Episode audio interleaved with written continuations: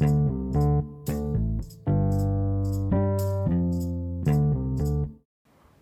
semua, balik lagi sama gue Feby dari Podstaki ngomongin buku, musik, dan film kesukaan kalian.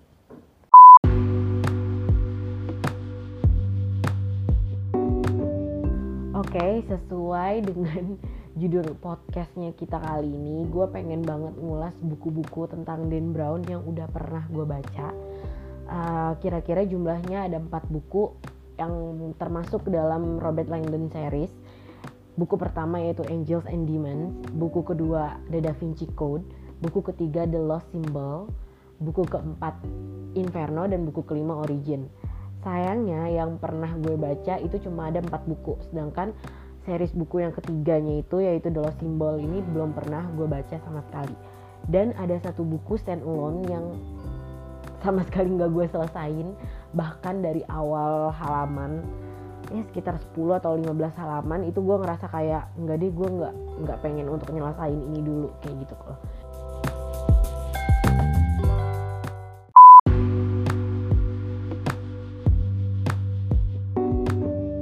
Nah, kalau buku-buku Dan Brown sendiri, jujur gue paling seneng itu uh, buku yang pertama, Angels and Demons, sama buku yang keempat, yang Inferno. Jadi, mungkin gue rang rangkap aja kali ya semuanya bagus jeleknya bukunya Dan Brown. Mulai dari jeleknya dulu deh. Jadi kalau yang gak gue suka dari bukunya Dan Brown ini gaya penulisannya. Gaya penulisannya yang menurut gue aneh gitu loh, bukan aneh sih uh, lebih ke terlalu banyak tahu kayak terlalu banyak informasi yang dikasih ke para pembaca sehingga pembaca itu gak bisa buat um, apa ya kayak interpretasiin sendiri gitu loh. Mungkin emang uh, namanya juga uh, misteri lah ya kita pasti disuguhin sama pertanyaan-pertanyaan atau kita nanti pasti bisa lah gitu kalau disuruh menebak-menebak siapa ya kira-kira pembunuhnya atau siapa ya kira-kira dalang dari peristiwa ini. Tapi kalau kalian udah tahu udah paham jalan ceritanya Dan Brown yang cuma muter-muter kayak gitu doang itu kalian pasti nanti bisa nebak dengan cepat siapa pembunuhnya atau siapa dalang di balik peristiwa itu gitu loh. Mungkin pas buku yang Angels and Demon pertama itu gue nggak tahu karena ya itu buku pertama yang baru gue baca kan itu jadinya gue masih masih masih susah gitu loh nebak-nebak. Tapi kalau kita udah baca yang The Da Vinci Code udah baca yang Origin udah baca yang Inferno juga itu kayak gue tahu nih kayaknya mau dibawa ke mana nih cerita ini kayak gitu loh. Dan dan itu tadi mungkin gaya penulisannya dan juga cara dia menyampaikan informasi menurut gue itu terlalu terlalu kayak buku tuh kayak jadi Tuhan gitu. Jadi kayak terlalu banyak yang dikasih atau disuguhin kepada para pembaca sehingga gue ngerasa nih buku tuh tahu banget semuanya gitu loh. Kayak si penulis tuh tahu banget semuanya gitu. Dan gue mungkin gue nggak tak mungkin mungkin gue ya mungkin itu bukan untuk gue kali ya karena gue nggak terlalu suka jalan cerita yang kayak gitu. Dan yang kedua aduh Dan Brown tuh sebenarnya guilty pleasure atau enggak sih? Kayak gue tuh nggak tahu nih gue nggak suka gue nggak suka buku yang gaya penulisannya kayak gitu tapi tetap gue baca lagi gue baca lagi karena ya itu tadi. Ya ceritanya tuh banyak menggunakan unsur sejarah gue tuh suka banget gitu loh kan. Yang kedua jeleknya dari Dan Brown ini banyak menggunakan sudut pandang yang lagi-lagi secara pribadi gue nggak suka gitu. Secara pribadi gue nggak suka.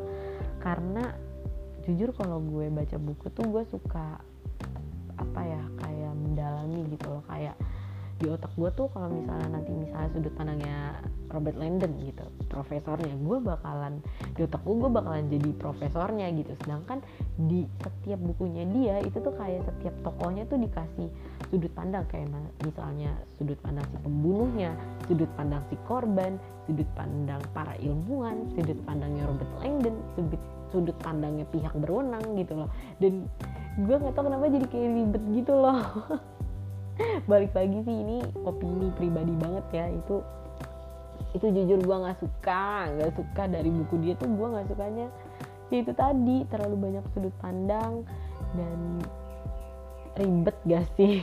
Tapi tapi keren sih. Maksudnya kalau kalau Dan Brown bisa bisa menggunakan imajinasinya secara berbeda-beda gitu loh. Itu menurut gue keren banget gitu. Tapi ya balik lagi secara pribadi gue nggak terlalu suka cara penulisannya.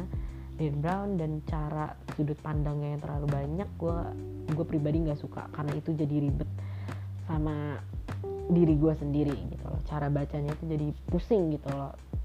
Mungkin bagus ya karena kita tuh jadi disuruh nebak-nebak kayak ih jangan-jangan dia nih jangan-jangan dia nih. Kayak itu mah ya balik lagi kalau lo udah tahu mau dibawa ke mana lo udah tahu alurnya Dan Brown kayak gimana ya lo pasti bakalan ketemu juga siapa nih yang jahatnya kayak gitu. Dan hmm, kayaknya itu doang deh yang gak gue suka dari buku-bukunya Dan Brown. Dan yang gue suka itu tadi. Ya itu tadi ya itu tadi mulu deh gue kayaknya. Ya karena mengandung banyak elemen-elemen sejarah dan jujur gue emang pribadi jujur gue emang pribadi jujur secara pribadi gue basicnya juga gue kuliah di jurusan sejarah jadi gue seneng banget kalau ada buku-buku yang ngomongin sejarah gitu. Dan hal yang paling jarang dipelajarin semasa gue kuliah adalah sejarah seni. Dan gue ngerasa dengan membaca buku-bukunya Dan Brown ini gue jadi adalah gitu input untuk um, banyak baca tentang sejarah seni yang bikin gue penasaran. Kayak nanti patung-patung dari Michelangelo atau dari karya-karyanya Leonardo da Vinci atau nanti karya-karya modernnya. Apa sih yang di bukunya? Bukunya bukunya yang origin tuh aduh gue lupa banget yang Casamila itu siapa penemunya itu. Iya pokoknya itulah ya. Maksudnya seni-seni kontemporer dan seni-seni uh, klasik atau tradisional tuh tetap dibahas gitu sama Dan Brown. Seakan-akan dia tuh nggak pernah habis minat habis pengetahuan tentang sejarah seni. Dan itu itu yang bikin gue seneng banget sama buku-bukunya Dan Brown. Meskipun gaya penulisan dan sudut pandangnya itu memberatkan gue jujur banget sebenarnya gue nggak mau baca buku terakhir dia yang origin. Tapi masa harus diolah lagi? Tapi ya karena itu tadi.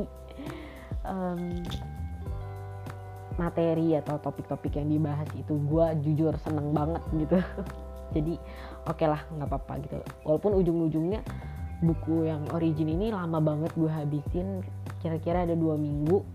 Menurut gue itu lama ya karena buku-buku dia yang sebelumnya itu cuma paling tiga hari lima hari lah. Itu paling lama lima hari gue baca gitu kan itu udah itu udah pas yang origin udah gue ngerasa gue udah gak kuat banget sama sekali. Gue mendingan cari aja deh langsung di Google daripada gue harus melewati melewati gaya penulisannya dia yang eh gue nggak suka gitu lah. Dan yang oke okay, ini kontranya deh ada lagi kontranya. Dan kontranya itu kalau kalian nggak ngerti sejarah atau kalau kalian sama sekali nggak punya pandangan atau bayangan terhadap objek-objek yang dinarasikan oleh Dan Brown ini kalian otomatis harus googling dong. Ya nggak sih? Kayak misalnya gue waktu itu nggak tahu Casamila itu apa. Jadi ya udah gue download Casamila.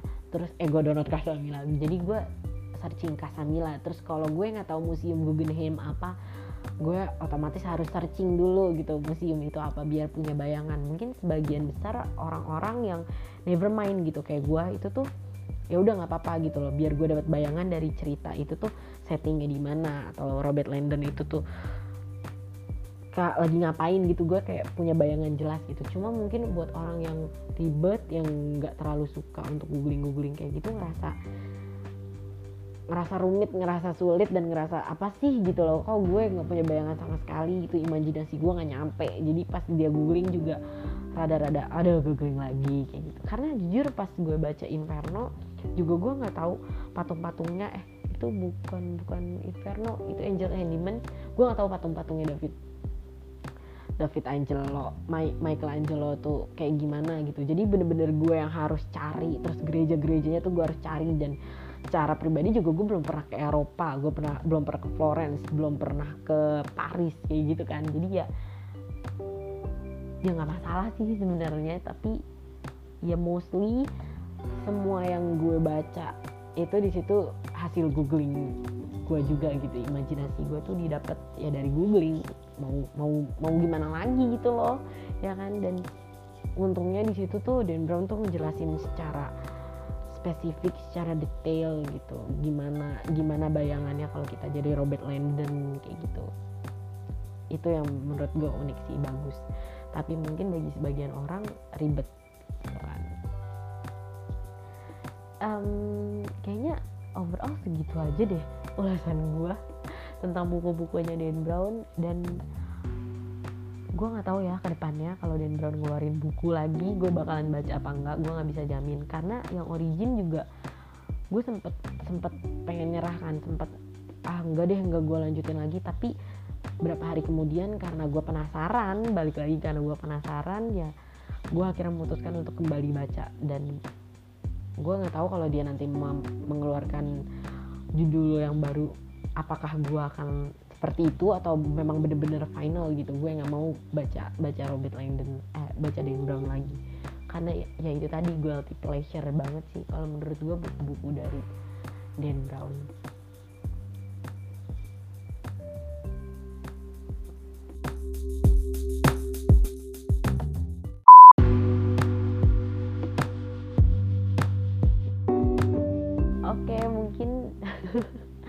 segitu aja ulasan singkat gue yang cuma 10 menit. Gue ngerasanya singkat banget. Tadinya tuh sebenarnya gue pengen review satu-satu kan buku-buku dia yang pernah gue baca. Tapi setelah gue pikir-pikir banyak banget kalau gue harus review satu-satu gitu loh. Dan ceritanya tuh sama-sama menarik. Ceritanya tuh sama-sama ngebahas sejarah sama-sama ngebahas tentang konspirasi. Kalau kalian pengen baca silahkan siapa tahu siapa tahu kalian bisa tahan dengan gaya penulisan atau siapa tahu kalian suka dengan gaya penulisan dia gitu loh. Kalau kalian mungkin pengen sharing atau pengen diskusi lebih lanjut tentang buku-buku Dan Brown kalian bisa kontak aku di kontak aku. Kalian bisa kontak gue di podstalky.gmail.com atau ke A Closet Books di Twitter atau ke Fabs di Twitter. Feel free to open up with me. Oke okay, makasih. Dah Eu